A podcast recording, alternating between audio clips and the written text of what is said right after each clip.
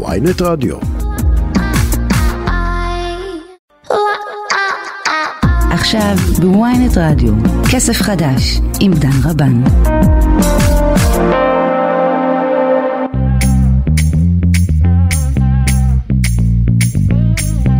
אחר צהריים טובים לכם וברוכים הבאים לכסף חדש, הרצועה הכלכלית של ynet רדיו. שקד אילתי העורכת שלנו היום, צליל שילוח על הביצוע הטכני, ואני דן רבן. אז מה יהיה לנו היום? נדבר עם פרופסור יובל אלבשן שעמד בראש הוועדה הציבורית לקביעת אה, העלאת השכר של חברי הכנסת אה, וננסה להבין איך אה, השכר של חברי הכנסת עומד לעלות בחמישה אחוז במקום ההצעה הראשונית של שני אחוזים. אחר כך נמשיך ונדבר עם גד ליאור, הכתב הכלכלי של ynet ושל ידיעות אחרונות, גם על שכר הח"כים, אבל גם על העוטף התקציבי החריג שנרשם ב-2022, על אף הירידה המשמעותית שנרשמה באותו עודף בחודש האחרון של השנה.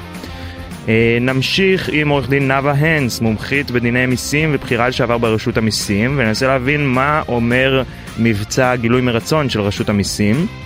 אה, לאנשים שיש להם כספים רבים בחו"ל, איך תוכלו לדווח ואולי להתחמק או לקבל אה, ענישה מופחתת כחלק מהמבצע. נמשיך עם התיירות מסין וננסה להבין איך זה שהתיירות שם חוזרת משפיעה על התיירות בעולם, אה, איך זה שסין פותחת את הגבולות שלה אחרי שלוש שנים, מה זה אומר לנו, מה זה אומר לשאר העולם, בכל זאת לא מעט אנשים. אה, ונסיים עם איריס ליפשיץ קליגר, כתבת ynet וידיעות אחרונות, וננסה לשמוע ממנה 7-11 פתחה חנות ראשונה בישראל. האם היא זולה? האם היא משתלמת? האם שווה לקנות? נראה. קודם כל אני רוצה להתחיל אבל כאמור עם פרופסור יובל אלבשן אה, שעמד בראש ועדת אלבשן הציבורית שמונתה לקבוע את אה, שכר חברי הכנסת. פרופסור אלבשן שלום לך. שלום וברכה דן. אז הוועדה בעצם הגישה את המלצותיה לכנסת אה, השבוע. וה... נכון, אתמול. אתמול, וההמלצה היא, תקן אותי אם אני טועה, להעלות את אה, שכר חברי הכנסת ושאר הבכירים בחמישה אחוזים, במקום בעצם ההצמדה לשכר הממוצע של השלוש שנים נכון, האחרונות שהוקפא, נכון. שזה 12.5 אחוזים. אמת. Uh, למעשה הוועדה, הוועדה הציבורית שאני uh, עומד בראשה וחברים בה גם פרופסור יורם עדן ודוקטור קרן בר חווה, אנחנו מייצגים את אינטרס הציבור בכל מה שקשור לשכר הח"כים ולתנאי הח"כים. עכשיו, דווקא בעניין של השכר הזה, זה לא עניין שבכלל קשור אלינו, כי זה מין טייס אוטומטי, מאחר והח"כים הם אלה שקובעים לעצמם את השכר, כי אין מישהו שיכול לקבוע להם, אז נקבע כבר לפני הרבה שנים שזה יהיה צמוד לשכר הממוצע, וככה הוא יורד, הוא ירד, הוא עולה, יעלה, ואף אחד לא נוגע בטייס האוטומטי. אלא מה?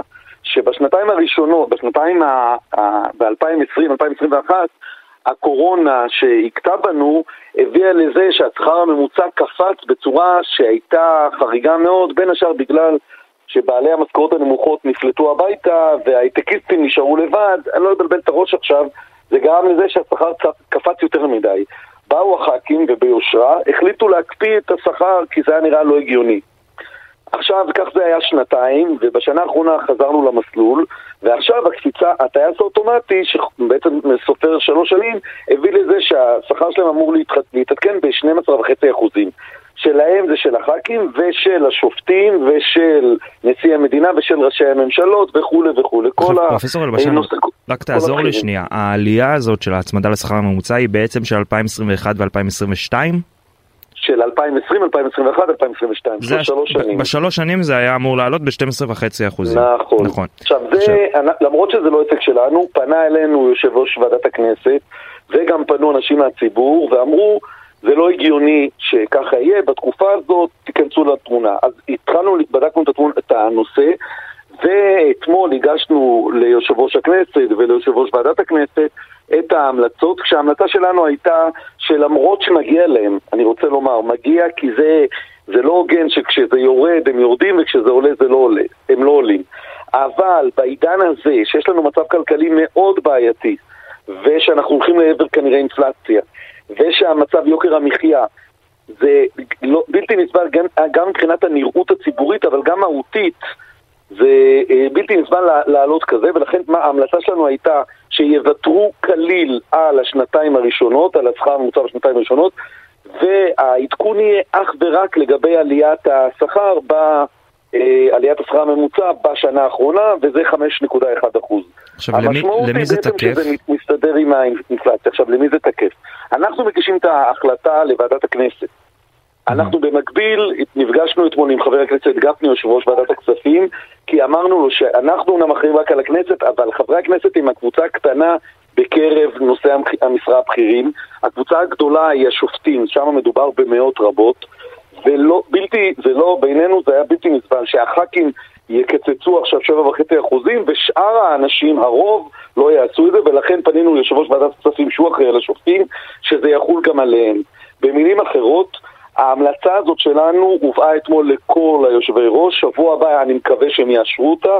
ואז כל אותם מאות, סביב אלף זה מגיע, נושאי משרה בכירים ואחר כך גם מתחילים כל המוגבלים שלהם, אבל נשאר רגע בהם יסתפקו, יקצצו, והח"כים הסכימו לקצץ 7 נקודה משהו אחוז, להישאר עם 5.1 ותוך כדי זה אנחנו גם הבטחנו עוד דבר, דן, שאנחנו נדון השנה הזאת כבר במנגנון מסודר, קבוע, לא טלאי על טלאי, לא כל שנה ויכוח על העדכון. זהו, אז, אז תכף באמת נגיע למה יקרה אחרי השנה הזאת, כי באמת ההצעה הזאת תקפה ל-2023. עכשיו, בלבד, מה שאני. רוצה לשאול אותך זה איך הגעתם עכשיו לחמישה אחוז? הרי בהתחלה היה דיבור על עלייה של שני אחוז בלבד.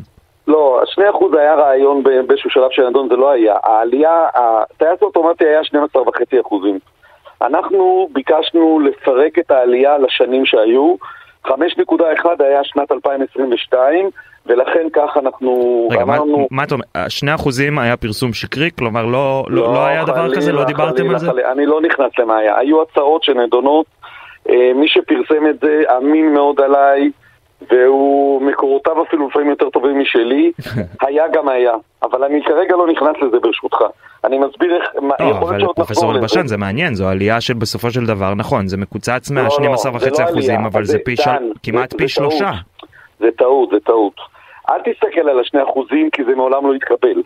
אלא תסתכל על 12.5 אחוזים שהם מוותרים על שבעה. עכשיו, אני יודע שהיום הפופוליזם אומר, תיכנסו בחברי הכנסת, תקצצו את שכרם, לא מגיע להם כלום. אני לא שותף לזה. אני מודאג מאוד מזה שלכנסת לא מגיעים מספיק חברי כנסת איכותיים בגלל התנאים. עכשיו, זה לא גובה השכר התנאים, זה התנאים מסביב גם. זה העובדה שהם כל יום יכולים להיות מפוטרים, כמו שראינו בשלוש שנים האחרונות. זה העובדה שאין להם הרבה מאוד זכויות שלנו יש, דמי הבראה ונושאים אחרים. תרשה לי, פרופסור לבשן, תרשה לי אה, אה, לחלוק עליך שמעמד חברי הכנסת בישראל הם לא, לא המעמד המקופח ביותר בעיניי, אבל בסדר. לא, אבל, רגע, אבל דן, מה שאני דן, שואל... שאלה, שאלה, רגע, דן, אז בוא תרשה לי לחלוק עליך. אני לא אומר שהם מקופחים, אני הצגתי כל החיים אנשים מוחלשים. ואני לא אומר שהמשכורת היא משכורת רעב, אני ממש לא אומר. אני שואל אותך, האם אנחנו רוצים בכנסת ישראל אנשים שאו שבאים כי כבר יש להם מספיק כסף, רמטכ"לים לשעבר, מיליונרים, ואז לא מעניין אותם כלום, או אנשים שבאים כי זה הדבר הכי טוב שהם יכולים. אנחנו רוצים את האנשים הטובים ביותר. עכשיו תראה, לפני, עד כן, לפני כמה שנים... יודע, פרופסור אלבשן צריך גם לשמש דוגמה אישית בתקופה נכון, הזאת, ו-40 נכון, אלף שקלים לכן... בחודש, כמעט 40 אלף שקלים, זה לא בדיוק, אה. אני, כמו שאמרת, אני, שכר רעב, אז יכול להיות שאולי נכון לא לעלות בכלום. אני לא בא לאסוף, אני לא, אני לא בא לקבץ נדבות עבורם, ואני לא בא לבכות לך עכשיו על מר גורלם. אבל כן אני רוצה להגיד לך, שאם אתה רוצה שיבואו אנשים טובים, תראה, הח"כים לפני כמה שנים ויתרו על העיסוק הנוסף. אני לא יודע אם אתה יודע, אה, אולמרט, בתקופות האלה של אולמרט ואחרים, היה להם משרדי עורכי דין במקביל להיותם חברי כנסת. ככה זה היה. שזה דבר מטורף מבחינת האפשרויות השחיתות. ניגוד אינטרסים, כן. זה תודה לאל עבר. מה, מה נוצר מזה? שעכשיו עומד אדם שיש לו קריירה טובה בחוץ, ויש לו הכנסה גבוהה בחוץ, והוא מתלבט האם להיכנס פנימה או לא. אני לא רוצה שהוא יתלבט. אבל, אבל זה לא קשור לענייננו עכשיו, אני רוצה כן לבנות מערכת שתגרום לאנשים טובים שיש להם מה להפסיד בחוץ ושהם לא באים לפוליטיקה כי שם זה הדרך שלהם להתפרנס ולעשות קשרים, אלא הם באים מתוך שליחות ציבורית ש... שאנחנו ניתן להם באמת האפשרות לעשות את זה. זה הרעיון, אבל זה לא קשור עכשיו. עכשיו הח"כים, אני מקווה שהם יאשרו את זה, גם אנחנו מדברים, אנחנו הגשנו את ההמלצה, אין לנו כוח מחייב.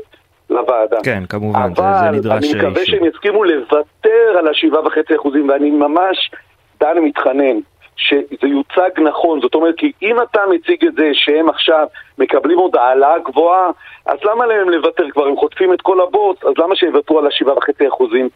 עכשיו גם אני אגיד משהו, אם הם לא יוותרו, השופטים לא מוותרים, השופטים לא מוותרים, זה לא מוותר. זאת שרשרת. אתה חושב שיש סיכוי כזה שההצעה הזאת לא תאושר? אני לא מאמין.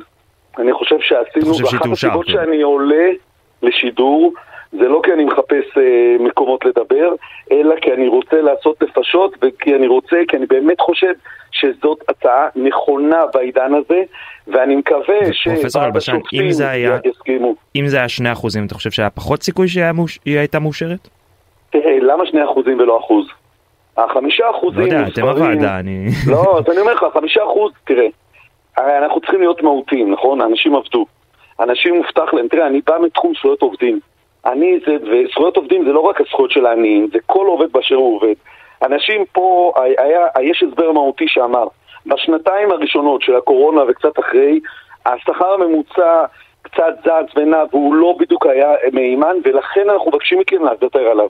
בשנה האחרונה אין סיבה להגיד את זה. מתי תהיה סיבה להגיד את זה? כשאנחנו נעשה מנגנון מסודר, מפוקח, רציני, עם אנשים שמביני עניין כמו הפרשן הכלכלי של ידיעות אחרונות, גדי ליאור או אחרים, ואז אפשר יהיה באמת להגיד מה נכון לעשות. אתה קובע את זה, הטייס האוטומטי יהיה אחר, שזה אומר או שכר ממוצע, או מדד, או שני אחוזים, או הגבוה מביניהם, או הנמוך מביניהם, אבל כרגע, מאחר והחוק, והיינו צריכים גם להידרש אליו מהר כדי שזה יספיק להיות בינואר, זו הסיבה של המהירות. כן, אתה אומר, שמנו פאץ' לזמן קצוב, ובהמשך נכון. צריך לעשות איזשהו ואני פתאום. מקווה ש... מאוד, ואני מבטיח שזה ייעשה בצורה גם רצינית וגם לא פופוליסטית, כי אני שוב אומר, דן, המשחק הזה, הכה את הח"כ, מביא לזה שיהיו לך ח"כים לא טובים. ח"כים, או שיהיו לך ח"כים שלא, שהם לא, הם עובדים, לא, לא כל משנה איך הם עובדים, עושים את עבודתם, דקה אחרי שהם נפלטים, הופכים להיות לוביסטים, אחרי זה הם חוזרים. תחשוב על אינטרס הציבור, שהח"כ שיושב בפנים ואין לו נכסים, הוא כל היום עם עיניים החוצה, אז את מי הוא ישרת? אותי ואותך, או את בעלי ההון שיכולים להעסיק אותו? השאלה שלי אליך פרופסור אלבשן בתור מי שעמד בראש הוועדה הזו ובתור מי שהיה גם בשיח אני מניח עם חברי הכנסת ועם אה, אה, אה, ראשי הוועדות השונות הרלוונטיות האם חלק מהשיקול של החמישה אחוזים היה כי וואלה ארבעה אחוזים או שלושה אחוזים חברי הכנסת לא יסכימו. לא לא לא. לא האם אתה חושב שחמישה אחוזים זה השיעור הראוי ביותר? לא אני לא חושב אני הלכתי לפי נימוק הלכנו לפי נימוק. לא בחרנו את החמישה אחוזים לעומת ארבעה, שניים או לעומת שמונה. בשנה, ב-2022, העלאת השכר הממוצע עלה ב-5.1 אחוז, וזה מה שהצענו. אנחנו לא, לא שיחקנו עם המספר. Mm-hmm. המספר הולך לפי השנה האחרונה. את הטייס האוטומטי, מה שהם ויתרו, הקפיאו במשך שנתיים ימים, אנחנו, אנחנו ממליצים לוותר כליל גם לעתיד.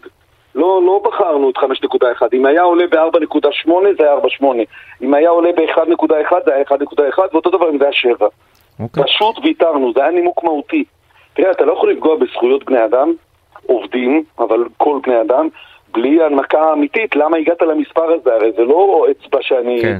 אה, מכניס לרוח. פרופסור כן. אלבשן, אנחנו ממש חייבים לסיים. אה, תודה רבה לך שהיית איתנו, מי שעמד בראש הוועדה הציבורית שמונתה לקבוע את שכר חברי הכנסת. תודה לך, פרופסור אלבשן. עמד ועומד, הוועדה היא ועדת קבע. כן, כן, בעזרת השם. תודה רבה.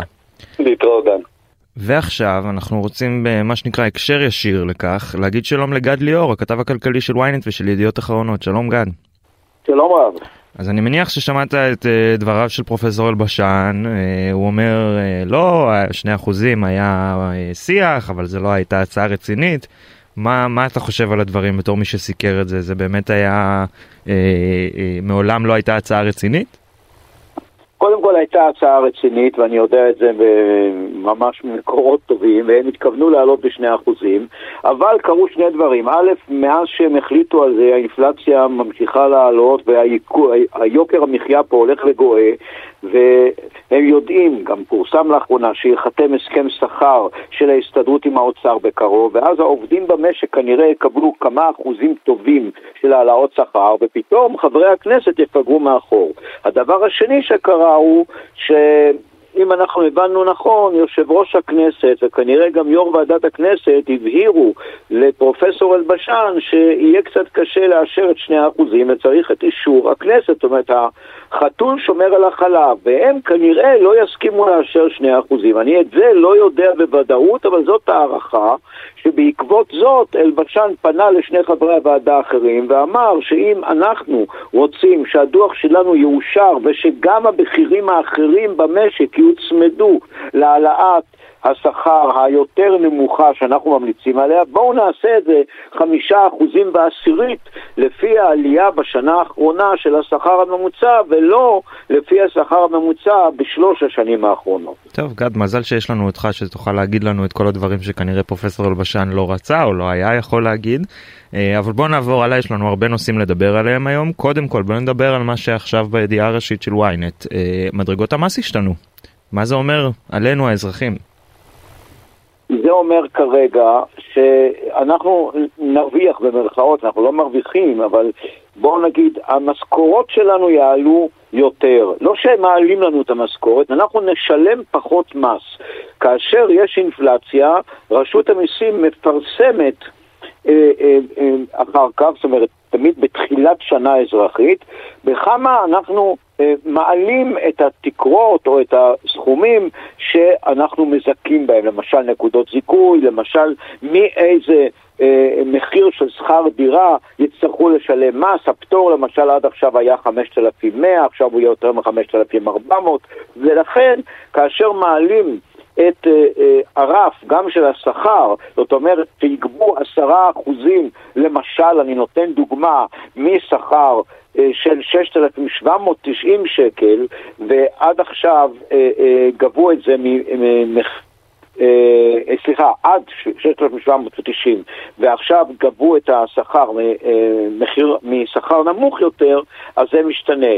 ולכן ככל שאנחנו משלמים משכר נגיד של 14-21 אחוזים מס או 31 אחוזים, ככל שאנחנו מגיעים אל השיעור הזה בשלב מאוחר יותר, אנחנו משלמים פחות מס, כי נגיד אלף השקלים האחרונים שבין 9,000 ל-15,000 שקל, אנחנו שילמנו עד עכשיו 20 אה, אחוזים, עכשיו נשלם כן. 14 אחוזים. טוב, אני באמת יש שם הרבה מספרים וזו טבלה קצת אה, אה, מורכבת, אבל אני ממליץ לכולם אה, להיכנס לכתבה ובאמת לראות איך זה ישפיע על המשכורת שלכם.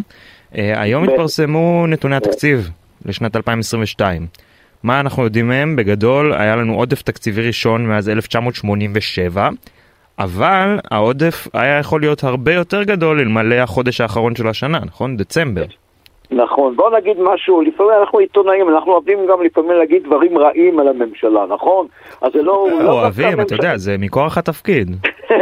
אין מה לעשות. זה לא דווקא הממשלה הנוכחית, ואפילו לא הקודמת, מדובר במשרדי הממשלה, שפתאום מגיעים לחודש האחרון של השנה, ולפתע רואים שיש להם עודף תקציבי, זאת אומרת שהם עוד לא בזבזו, במרכאות או לא במרכאות, את כל הכסף שהקציבו להם. ניקח דוגמה, משרד ממשלתי הקציבו לו 500 אה, מיליון שקלים לשנה, אבל הוא בזבז רק 450 מיליון. מה יקרה?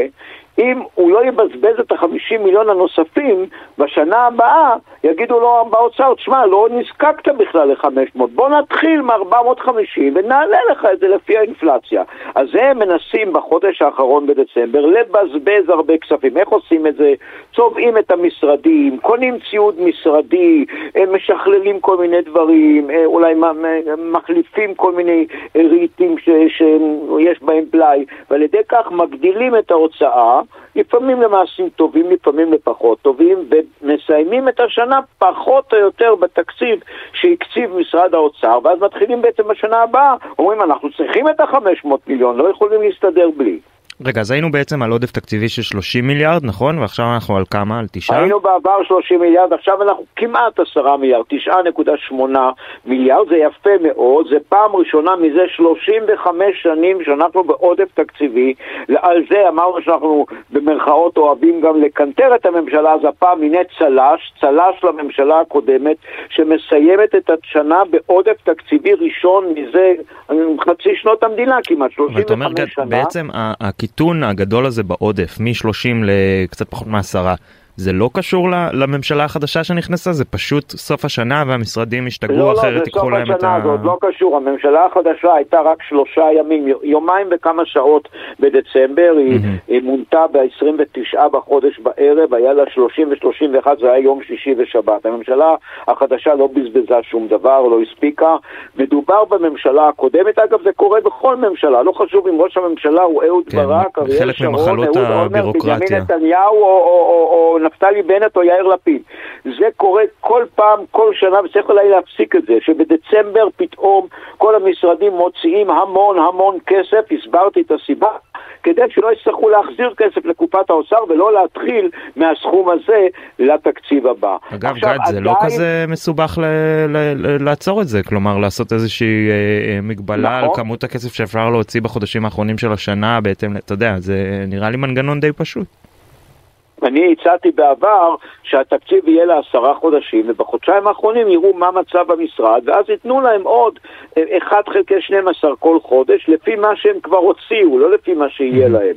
אבל כמובן שההצעה לא, לא התקבלה, אולי, אולי כי היא טובה, אולי כי היא לא טובה, אבל בעיקר כי במשרדי הממשלה אוהבים לבזבז כסף ולהוציא כסף, ו- ולכן צריך... אה, אה, לראות כל שנה את חודש דצמבר, אם כל שנה, אני עקבתי, קודם הסתכלתי, גם שנה קודמת, גם לפני שנה, אני אומר שוב, לא חשוב מראש הממשלה ומשר האוצר, תמיד כן, בדצמבר יש הוצאה פעם. מאוד גדולה של משרדי הממשלה. טוב, שנייה לפני שאנחנו מסיימים, גד, היום בערב יש לנו מסיבת עיתונאים של נתניהו וסמוטריץ', שר האוצר אה, וראש הממשלה כמובן, אה, הכותרת שלה, תוכנית למלחמה ביוקר המחיה. מה, מה צפוי? כן, אה, זה לא בדיוק מלחמה, זה כמה צעדים שמכבים זה אה, מה שאנחנו אוהבים. לקרוא לו מבצע. כן, באים לא עם, מלחמה. כן, באים עם איזה מטף אש, לכבות כמה להבות, אבל לא את האש הגדולה, וזה יהיה ההודעה על החשמל, שאנחנו כבר יודעים שמדינה אפילו כבר הסבירה מאיפה היא תיקח את הכסף מקרן הפיצויים. אגב, לא מקום טוב לקחת ממנו כסף, כי אם חס וחלילה תהיה פה מלחמה, או חס וחלילה אסון טבע גדול, אנחנו רואים מה שקורה באקלים כן, יחזור בעולם, לא. יהיה מספיק כסף לפצות. רגע, אז בכמה מקו- בעצם החשמל יעלה? אחרי התהליך הזה? בס- עוד לא יודעים, יכול להיות שתהיה הקפאה שלמה של שלושה חודשים, בעצם מדובר על בערך שני אחוז משמונה אחוזים שהמחיר עולה, אז אפשר כל חודש לתת את ההנחה של שני אחוז, או שלושה חודשים, שזה רבע מהתקופה של שנה, לבטל את כל ההעלאה. אולי זה, אני אומר, אני לא יודע, אולי זה מה שיכריזו הערב, הקפאה מוחלטת לשלושה חודשים של העלייה, ואחר כך הם אומרים, בוא נראה מה יהיה, אה, נחצה את הנהר ואחר כך נראה אם נרטבנו. אז, אה, אה, אז זה עניין החשמל. מים ככל הנראה גם יהיה בפנים. פה לא מדובר על עלייה מאוד גדולה ולא על סבסוד ענק של שלושה וחצי אחוזים. ארנונה, אחוז וארבע עשיריות עלייה שכנראה גם תוקפא. אני לא יודע לגמרי לומר אם היא תוקפא בכל הארץ או שרק נגיד בפריפריה או ביישובים אה, חלשים ופחות או יותר אלה יהיו הצעדים כולל נקודות זיכוי, פה זה לא משהו חדש, הרי תקפו את נקודות הזיכוי, למה נתתם מעט, למה ככה וכולי, מה יהיה? יאריכו את, את הצו שפוקע עכשיו של נתן נקודות זיכוי גם לבני ילדים בני 6 עד 12, יאריך אותו כנראה בעוד שנה, או, או עד התקציב, וצריך לזכור שעד אמצע חודש מאי צריך להגיש תקציב מדינה, ואז כנראה, אני מקווה, תהיה תוכנית אה, יותר מקיפה. אני רק רוצה אה, זהו, לומר... זה לא את, ממש, אה, דבר... אה, זה, זה יפה מאוד, אבל הצעדים האלה לא כל כך עוזרים לי בסופר וזה שאני קונה פיתה שווארמה ב-50-60 שקל, זה לא, זה לא נכון. פותר את יוקר המחיה בישראל. נכון, זה לא אם כי מה שאמרנו קודם על נקודות הזיכוי. כן, זה קצת אה, עוזר אה, יותר, ממס נכון. זה קצת פותר. אבל אגב, זה לא פותר, זה פשוט נותן לנו את האינפלציה, זה לא שאנחנו כן. מרוויחים. המחירים עלו בחמישה אחוזים, מעלים לנו בחמישה אחוזים. הערה קטנה לסדר. אמ, אני ניסיתי לבדוק בשעה, שעתיים האחרונות מה קורה עם התוכנית, מה מחליטים, מה אומרים לי, יושבים עליה עכשיו, עוד לא סוכמו כל המספרים. חבר'ה, בעוד שלוש שעות יש מסיבת עיתונאים, וכרגיל, סליחה על הביטוי הגס, שליפה מהמותן. נו, גד, לא אתה 40 יודעים שנה מסקר את התחום, אתה עדיין לא מופתע? אתה עדיין מופתע עדיין שככה יושבים, זה אין קורה? הודעה, אין הודעה מוכנה, אין עדיין תוכנית לא מושלמת עדיין. הם יושבים עכשיו, ברגע זה, אני יודע את זה מבכירים באוצר, כרגע הם יושבים על התוכנית. אה, כרגיל השליפות שלנו, אני מניח שאם בארצות הברית או גרמניה מכינים תוכנית כלכלית שלושה ימים לפני כן, הכל מודפס, הכל ברור. אז אה, כן, כן. ככה, ככה טוב, עושים אצלנו תוכניות. נאלץ לחכות לערב לראות מה, מה קורה. כן, גד ליאור. נשמע, אולי, אולי יהיו גם הפתעות, אנחנו אף פעם לא יודעים. יכול להיות שבארץ הזאת יש כל כך הרבה הפתעות, יכול להיות שמשהו שאנחנו לא יודעים ויפתיעו אותנו לטובה. בבקשה. הכתב הכלכלי של ynet וידיעות אחרונות, גד, המון תודה לך שהיית איתנו. תודה רבה. Uh, עכשיו אנחנו מזכירים לכם שאם אתם רוצים להאזין לנו בהאזנה מאוחרת לכל התוכניות והרעיונות אתם יכולים לעשות את זה או במתחם הרדיו באתר ynet או בכל אפליקציות הפודקאסטים המובילות. מחפשים uh, כסף חדש ויכולים להאזין לנו בכל מקום ובכל מכשיר. אם אתם מאזינים לנו כפודקאסט אל תשכחו לדרג אותנו וללחוץ עוקב וככה תקבלו עדכון על כל תוכנית חדשה שעולה. Uh, עכשיו הפסקה מוזיקלית קצרה ותכף נחזור. תודה רבה שחזרתם אלינו כסף חדש הרצועה הכלכלית של ynet רדיו. ועכשיו אני רוצה להגיד שלום לעורך דין נאוה האנס, מומחית בדיני מיסים ובחירה לשעבר ברשות המיסים. שלום נאוה. שלום שלום. אז uh, בימים האחרונים פורסם אצלנו בוויינט שברשות המיסים מתכננים מבצע גילוי מרצון. Uh, במסגרתו אנשים יוכלו לדווח מיוזמתם על כספים גדולים שיש להם בחו"ל ובעצם uh, לא רוצה להגיד להתחמק, לקבל ענישה מופחתת או לא להיענש בכלל. אנחנו מבקשים ממך, אנא הסבירי לנו, מה זה, במה זה שונה ממבצעים קודמים שהיו, מה עומד מאחורי ההיגיון במבצעים האלה, למה בעצם שנוותר על מיסים של אה, אזרחים אה, שאמורים לשלם אה, מיסים וקנסות במידה וצריך. אוקיי, okay, אז נתחיל מזה שיש, לא, כל, לא את כל עבירות המס ניתן לגלות. הרי זה עבירות שבדרך כלל בין אדם לחברו, ובדרך כלל לפעמים שני הצדדים, אם ניקח את חוק המזומן, אז אם מישהו שילם במזומן לבעל מקצוע, ושניהם עברו עבירה, אז שניהם לא ירצו אה, לדווח על כך. ויש עבירות שקשה לתפוס אותן, במיוחד שכל תחום המיסים זה תחום שקשה, חסר מידע, אין מידע. ובא נוהל גילוי מרצון ואומר, יש עבירות שגם ככה לא נצליח לגלות. זאת אומרת, יש אנשים שהצטברו אצלם סכומי כסף מאוד גדולים. ומה קורה עם האנשים האלה? הם הרי, אם לא יתפסו אותם, הם לא ישלמו מס. אז בא בעצם הגילוי מרצון ואומר, אם אתם תגלו שיש לכם כסף, לא ניתן לכם, זה היו הגילויים הקודמים, בעצם לא תקבלו אה, ענישה פלילית, תקבלו חסינות מפלילים. אוקיי. Okay. אה, וזה מה שמבדיל בין מי שתפסו אותו, כי אם תפסו אותך, אז זהו, אין לך אפשרות לעשות גילוי מרצון. כן, אבל אין, אה, כאילו אני, יכול להיות שאני קצת אה, יוצא תמים בשאלה, אבל אין פה איזה בעיה מוסרית עם המבצעים האלה? כלומר, הם yes. אמורים, אה, אמורים לשלם על זה. אתה צודק. זה בעצם, אם לא נתפסת, אתה מקבל איזושהי סוכריה. כן, לגמרי. אה, אז מה, אה, איך מצדיקים את זה? אז זהו, אז אה, אומרים ככה, בסופו של יום הרי הכסף הזה לא יגיע לקופת המדינה, ורוצים להשאיר את קופת המדינה. אז אומרים כאילו, אוקיי, בהליך גילוי מרצון אנחנו נקבל כסף שאנחנו לא היינו מקבלים אותו אחרת. כאילו זה עדיף מלא כלום.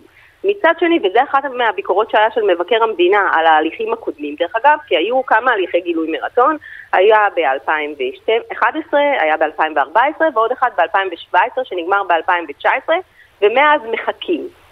ובא מבקר המדינה ואמר פה, תשמעו, זה לא תקין מכמה סיבות, ואחד הדברים שאמרו, אז רגע, הפעם בגילוי מרצון שייצא עכשיו, כנראה שלא תינתן חסינות פלילית.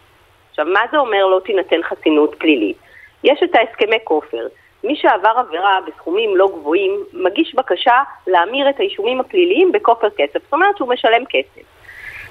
בעבר, עד 2008, לא היו מפרסמים את השמות של מי שקיבל כופר, אבל מ-2008, בעקבות אה, פסק דין שניתן אה, בעתירה של חופש המידע, החליטו לפרסם את כל השמות של מי שמבקש, אה, שמקבל כופר, בעצם להשקיף את זה. Mm-hmm. עכשיו פה, בגילוי מרצון הזה, רוצים לדבר כנראה, זה אחד הדברים, הפעם האחרונה שמישהו התבטא בנושא, זה היה סמנכ"ל המקצועית ב-2020, והוא אמר שהגילוי בדרך והוא ייראה שונה. אנחנו לא יודעים כרגע איך הוא יצא, אבל כנראה שהנושא הזה של חסינות פלילית לא יינתן, וייתנו אה, הסכמי אור כופר. זאת אומרת, יחד עם אותו הסכם, גילוי מרצון, יהיה גם הסכם כופר, וזה אומר שגם השמות של אותם אנשים שיבחרו לפעול בגילוי מרצון, יתפרסמו. וזה בעצם אומר שמי שיוכל לפעול בגילוי מרצון הוא רק אנשים שלא עשו עבירות גדולות, כי בעצם הם יועמדו לדין פלילי, אם לא. נכון, אז לא כל, זה לא, אני אסביר את זה, זה קצת מסובך, אפילו. יותר ממה שזה נשמע. אה, מי שבעצם עשה אה, עבירה פלילית ויודעים עליה, שהתקבל מידע עליה אה, ברשות המיסים, התהליך בחקירה או שיש מידע כלשהו, לא יכול לעשות גילוי מרצון.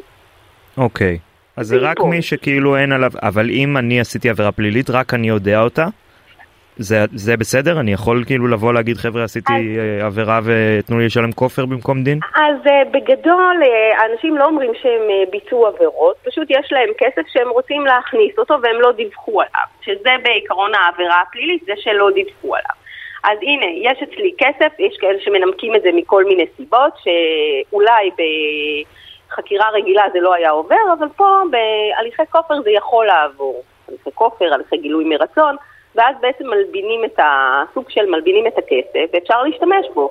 כן, טוב, זה נשמע כמו הלבנה, אה, הלבנה מדינתית של אה, כן, כספים. נכון, זה לא הלבנה באמת, זה הלבנה מבחינת אותם אנשים שיכולים לקנות דירות. כי אם הכסף שלך מתחת לבלטות, ועכשיו הכסף הזה יצא ואפשר יהיה לקנות בו דירה, כי חוק המזומן שיצא לא מזמן, במסגרתו, מי שקונה דירה גם מתבקש לרשום מה המקורות של הדירה. אומרת, יש היום יותר, יותר ויותר מידע ברשויות. יש גם את המידע שבא מה-CRS, שבעצם אה, אנחנו מקבלים מחו"ל מידע על אנשים שיש להם חשבונות בחו"ל. זאת אומרת שלאט לאט המידע נסגר. אה, המדינה יש לה יותר ויותר מידע, ואנשים, עדיף להם אה, לעשות את הגילוי מרצון לפני שיגיעו אליהם לבד. כן. אגב, נאוה, בתור אה, בחירה לשעבר ברשות המיסים, מה את חושבת שצריך לקרות? את חושבת שהתהליכים האלה של גילוי מרצון הם נכונים, הם, אה, הם, הם סבירים? אני חושבת שזה נכון בנסיבות הקיימות, כי אם זה כסף שלעולם לא נדע עליו, אז שווה כאילו אה, לעשות קצת אה, קווץ' ולקבל אותו, ומכאן ולהבא, אם אותם האנשים גם אה, ישלמו כופר והשם שלהם יהיה מצוי ברשויות, יהיה להם מאוד קשה אה, לבצע עבירות. כן, טוב, זה באמת אה, סוגיה, תוספת מעניינת, מה שנקרא. עורך דין נאוה האנס, מומחית בדיני מיסים ובחירה לשעבר ברשות המיסים, המון תודה לך שהסברת לנו את זה. תודה לכם. הפסקה קצרה, ותכף חוזרים. עכשיו בוויינט רדיו, כסף חדש, עם דן רבן. תודה רבה שחזרתם אלינו, אנחנו כסף חדש, התוכנית הכלכלית של ynet רדיו, ועכשיו ממיסים אה, בארץ לדברים אחרים בחו"ל, בסין, רחוק מאוד. אה, התיירות מסין חוזרת, סין פתחה את הגבולות שלה אחרי שלוש שנים, שהיא הייתה די סגורה בגלל אה, מדיניות זירו קוביד קשוחה. והציפייה היא שהתיירים הסינים עומדים להציף את היעדים המועדיפים עליהם. אני רוצה להגיד שלום לדוקטור ערן קטר, מרצה וחוקר בתיירות במכללת כנרת, שלום לך. שלום וערב טוב. אז מה בדיוק קורה בסין בימים האלה? אמ, אז כמו שציינת, אחרי שלוש שנים סין פותחת את הגבולות שלה, אמ, ומצד אחד זה מאוד מרגש את הסינים, מצד שני זה מאוד מרגש את העולם, אני תכף אסביר למה, ומצד שלישי זה גם כמובן מרכיב, מפחיד ומורכב. אז בואו נתחיל ברגע למה זה מרגש את העולם. אמ, לפני הקורונה, בשנת 2019, סין הייתה שוק המקור התיירותי הגדול ביותר בעולם. זאת אומרת, הכי הרבה תיירים בעולם ממדינה אחת הגיעו מסין, 155 מיליון תיירים סינים, וגם ההוצאה של התיירים האלה הייתה גבוהה משל תיירים אחרים, כמו גרמנים, אמריקאים, או אפילו הישראלים חובבי השופינג. אה, בין היתר, הדבר הזה נובע מכך שהסינים נוסעים פחות פעמים בשנה מהעמים האלה, שהנסיעה עדיין אה, דבר אה, מורכב, הוא פחות נפוץ. ואז כל פעם שהם גם... נוסעים הם מוציאים יותר. בדיוק, וגם הם קונים לא רק לעצמם, אלא הם גם קונים, כשאנחנו רואים את התורים של התיירים הסינים מחוץ לחנויות של גוצ'י בפריז, אז הם גם קיבלו כסף לקנות לבת דודתם, תיק. כן, צריך להגיד 150 מיליון זה עדיין אה, כלום ביחס, אה, במונחי אה, סין, כן? מיליארד וחצי סינים. אה, זה עדיין, מה זה כלום? זה כאילו, זה, הם עדיין צריכים להביא, יש להם עוד הרבה אנשים להביא להם מתנות. נכון מאוד, ואנחנו צריכים לזכור שאנחנו עדיין רואים את קצה הקרחון בתיירות הסינית. אה, היום לפחות מעשרה אחוז מאוכלוסיית סין יש דרכון. ועוד חמש שנים מהיום אה, אנחנו צפויים לראות הרבה הרבה יותר תיירים סינים משראינו לפני הקורונה גם. אז מה בעצם, לאן הם uh, מתיירים? לאן התיירים הסינים אוהבים לטוס? אז קודם כל, כאשר אנחנו מדברים באופן כללי, אז אנחנו מחלקים את העולם לשלושה חלקים. Uh, החלק הראשון כמחצית מהתיירים הסינים טסים למה שמכונה Greater China, להונג קונג, מקאו וטיוואן. זה חצי ראשון. עוד, uh, כן, בוא נאמר 30 או עד 40 אחוזים נוסעים באזור אסיה ליעדים כמו תאילנד, וייטנאם, קוריאה, קמבודיה, ולאחר מכן נמצא כל היתר, ואז יעדים כמו בריטניה, אוסטרליה וארצות הברית, צרפת. במילים אחרות, כאשר אנחנו שוב רואים את התיירים בתור, את התיירים הסינים, בתור ישראלים, אנחנו מתקיימים בהם בתור באייפל או בתור בטאור אוף לונדון, אז צריך להבין שמדובר באמת בשבריר, שבריר, שבריר מתוך התופעה הזאת. אגב, לארץ יש תיירות סינית אה, ענפה או שזה פחות אה, קיים? שוב, הכל, אה, הכל עניין של פרופורציות. אה, בישראל ב-2019 ביקרו כ-150 אלף תיירים מסין, רובם תיירי קבוצות. המספרים האלה עבור התיירות מישראל הם אה, יפים ומשמחים. ביחס לאומה של 1.4 מיליארד איש, אז יש לנו עדיין לאן לצמוח, וזה מאוד משמח מהבחינה הזאת.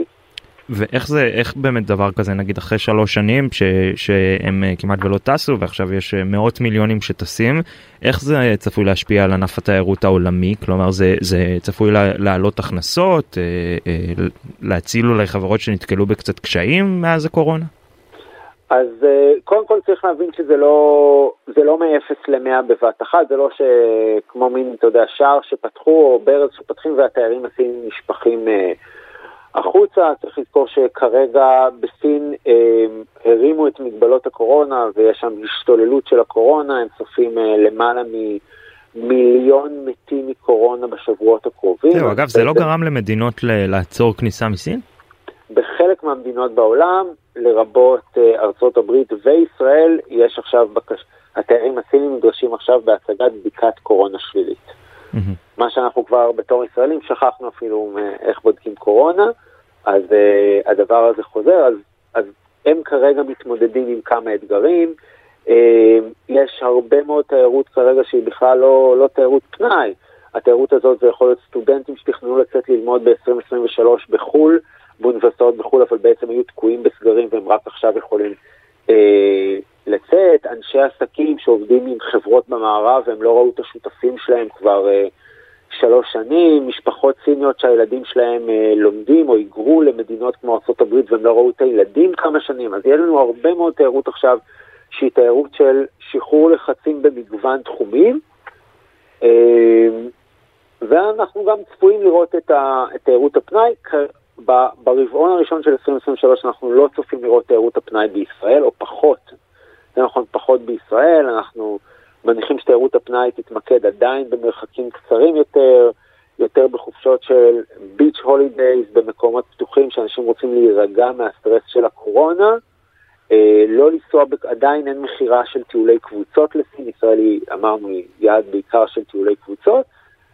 לאורך הזמן אנחנו מקווים שבמחצית השנייה של 2023 נראה, נראה כמות משמעותית של תיירים סינים גם באים אה, לתמוך בכלכלה הישראלית כמו שאנחנו אוהבים. אגב, ערן, שאלה אה, בדקה שנותרה לנו. אתה מייעץ לוועדה לתיירות של האיחוד האירופי. האם לדעתך אתה חושב שהממשלה החדשה תרתיע תיירים אירופאים מלהגיע לישראל, או שזה, יש, יש דיבור על זה, יש, אה, כלומר מבחינת, אתה יודע, שמרנות וכל מה שאנחנו מכירים מקווי הממשלה החדשה?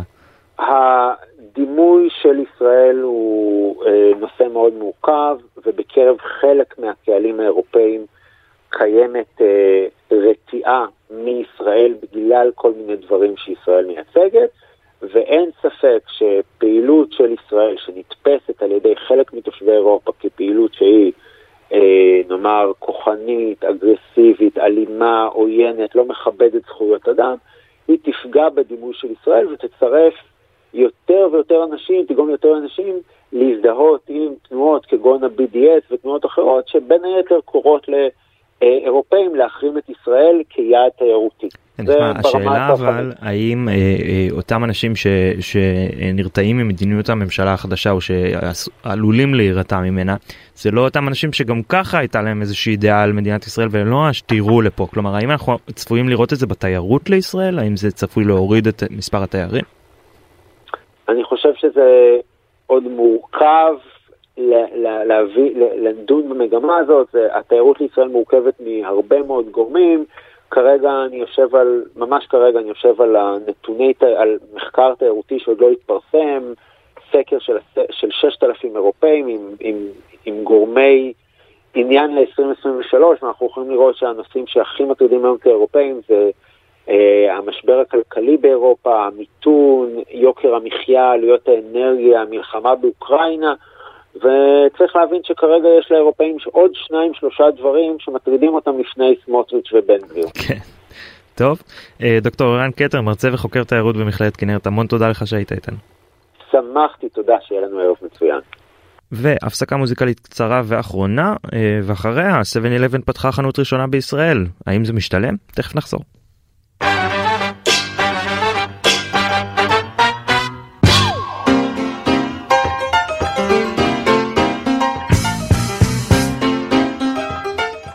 תודה רבה שחזרתם אלינו כסף חדש הרצועה הכלכלית של ynet רדיו. ועכשיו מסין אנחנו רוצים לחזור שנייה לישראל אני רוצה להגיד שלום לאיריס ליפציץ קליגר כתבת ynet וידיעות אחרונות שלום איריס. שלום צחי. דן, הפעם זה דן. אה, סליחה דן. הכל בסדר, הכל בסדר, כן אנחנו מתחלפים רבות אה, במהלך נכון, השבוע, נכון, אין מה נכון. לעשות, אין מה לעשות. אה, טוב, אז 7-11 פתחה חנות ראשונה בישראל. מה, ספרי לנו, מה- מה ראית. מה, איך איך הייתה ההשקה, מה האווירה? האמת היא שאפשר להגיד שאפילו התרגשתי, אני הייתי שם בשבוע שעבר, בגלל זה גם בלבלתי אותך עם השם, אני עוד בשעון דאלאס, השעון שלי נסלח ביעפת. לך. של, אה, כן, אפשר להגיד שזה בדיוק אחד לאחד, ואפילו בעיניי יותר יפה, כי החנות פה יותר מודרנית מהסניפים שראיתי שם. אה, ובוא, אנחנו אנשי בשורות, אנחנו חיכינו להבין מה, חוץ ממגוון המוצרים שבאמת אה, מרשים מאוד, יש שם 2,000 מוצרים, מתוכם 80 מוצרים שהם של יצרנים מקומיים שקיבל המנכ"ל אבינועם בן מופה, מנכ"ל הרשת הישראלית כאן, אישור מהרשת העולמית, שזה גם תקדים, להכניס את, המותג, את המוצרים של יצרנים מקומיים כחול לבן לאריזות של המותג של 7-11, אה, וזה גוזר את המחיר, כי זה מוריד לנו עלויות אה, במקום השינוע וכל הנושא הזה כן. של להביא מוצרים משם. אה, והרי אה, מצאנו פה מגוון עצום, וכמובן שהגימיק הכי גדול בחנות האמריקאית זה לא, אנחנו רגילים לראות את AMPM ואת חנויות הנוחות בתחנות הדלק, כך שאנחנו יודעים מה זה הקונספט הזה של שכחת פה רסק עגבניות, שכחת שם חלב או אה, לחם, זה גם נמצא ב-7-11, אבל מה שבעיקר אנחנו נמצא זה קזינו, ככה זה מרגיש לי, קזינו של מכונות אוכל ושתייה, הכל זה self service, אין פה מישהו שמכין לך. כן, טוב, באה, באמת תכף-. תכף נדבר שנייה על אה, האם כן. לדעתך זה יעבוד וזה, אבל אה, קודם כל, הדבר שהכי מעניין אותי, איך המחירים? המחירים. כמובן. יופי, אז אני ממש אה, שמחה לבשר, כי זה לא יכולתי לדעת לפני ההשקה היום. מרגע שיצאנו, מה, יצאתי מהחנות מההשקה, אה, כיתתי רגליים להבין איך זה מתנהג עם מדגם המחירים שאספתי בסל אקראי של 15 מוצרים, איך זה מתנהג ביחס למתחרות שקיימות לנו כבר בזירה בתל אביב, כדי להשוות עגבניות לעגבניות. אז אני יש בשורות מתוך סל אקראי של 15 מוצרים בקטגוריות המזון המהיר, בקטגוריות המוצרים הנלווים לנו, ששכחנו לקנות בסופר ונבוא בערב לקנות או בלילה, אז עשרה יצאו במחיר הרבה יותר זול, בהחלט אפשר להגיד שהרשת נותנת fight לחנויות הנוחות, אה, ואפשר להתחיל בקפה. רגע, קפה- הר- הרבה יותר זול ביחס למה? ביחס ל AMPM, החנות. היקרה ביותר בהיסטוריה של תל אביב?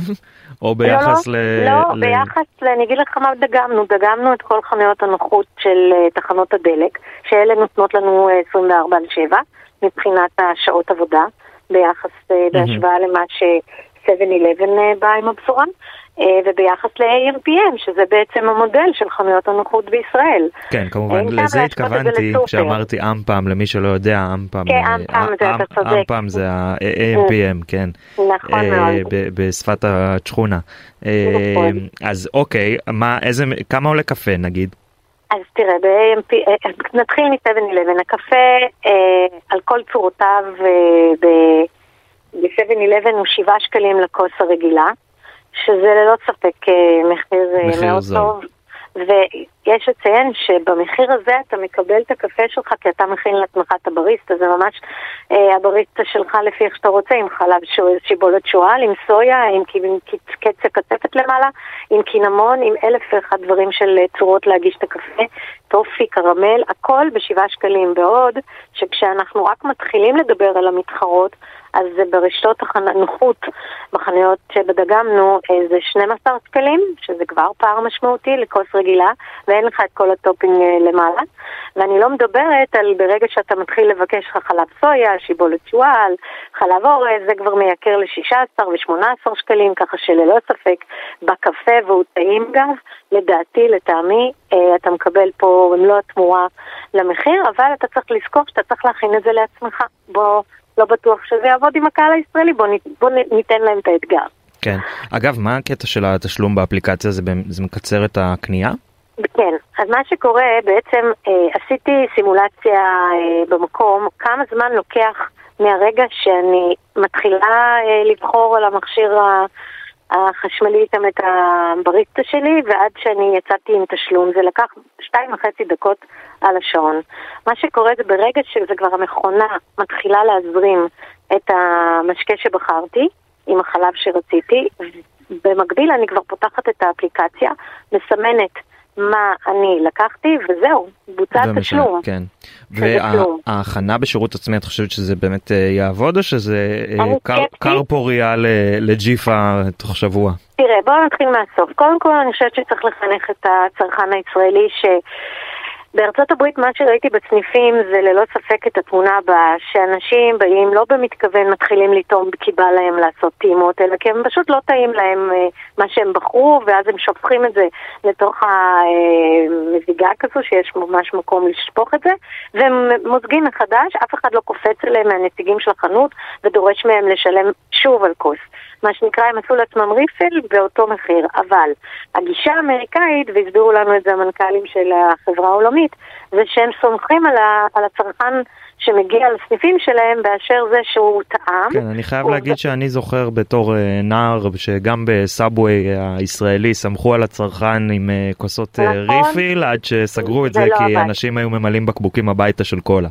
נכון, אז אני לא יודעת אם פה ימלאו בקבוקים, כי בנראות של החנות אני חושבת שזה קצת יהיה יותר בעייתי, זה חשוף כזה, זה כל המכשירים הם באמת בכניסה מול הנציגים בעמדה, אבל עדיין אין פה שום, הם אמרו בפירוש, לא חשבנו, אין לנו פתרונות קסם על מישהו שיבוא ועל לקוחות שיבואו ויעשו מזה אה, חגיגה של למלא את זה שוב ושוב ושוב. אנחנו כן לקחנו את הבלאי בחשבון של ניסוי וטעייה בתקופת הפיילוט של הרצת הסניף הראשון והשני. אה, אנחנו איריס, אנחנו ממש חייבים לסיים תכף, רק כן. שאלה כן או לא, פתיחה בשבת? אז בואו נהיה מדויקים. בס... הם נורא התחמקו היום מהתשובה הזו. חמקו. אנחנו יכולים להבין למה. כן, אה, צביקה שווימר, אה, מנכ"ל אלקטרו צריכה, נשאל כמה פעמים במסיבת העיתונאים, ובכל דרך אפשרית ניסה לא לענות באופן ישיר. ברור לנו שיש מתח באוויר, הם גם אחראים של אה, היבואנים של ינות ביטן וגם של קרפור שעומדת להיכנס לשוק, אז ברור לנו שהתשובה היא נחלקת לכמה כיוונים. הם בזהירות אמרו שזה יותאם כל סניף לקהילה שמקיפה אותו בשכונה הספציפית. משמע, לשאלתך, דיזנגוף סנטר, כן. אני פוגשת אותך בשבת, זה יהיה פתוח. טוב. איריס ליפשיץ קליגר, כתבת ynet וידיעות אחרונות, תודה רבה לך שהיית איתנו. תודה רבה, תודה רבה. עד כאן כסף חדש להיום, נחזור לכם בשבוע הבא, רועי קיץ יהיה איתכם ביום ראשון, מיד אחרינו דודו ארז ויואב רבינוביץ' עם סיכום חדשות היום. תודה לשקד אילת העורכת, תודה לצליל שילוח על הביצוע הטכני, אני הייתי דן רבן. המשך האזנה נעימה, שיהיה לכם המון כסף חדש וסוף שבוע נעים.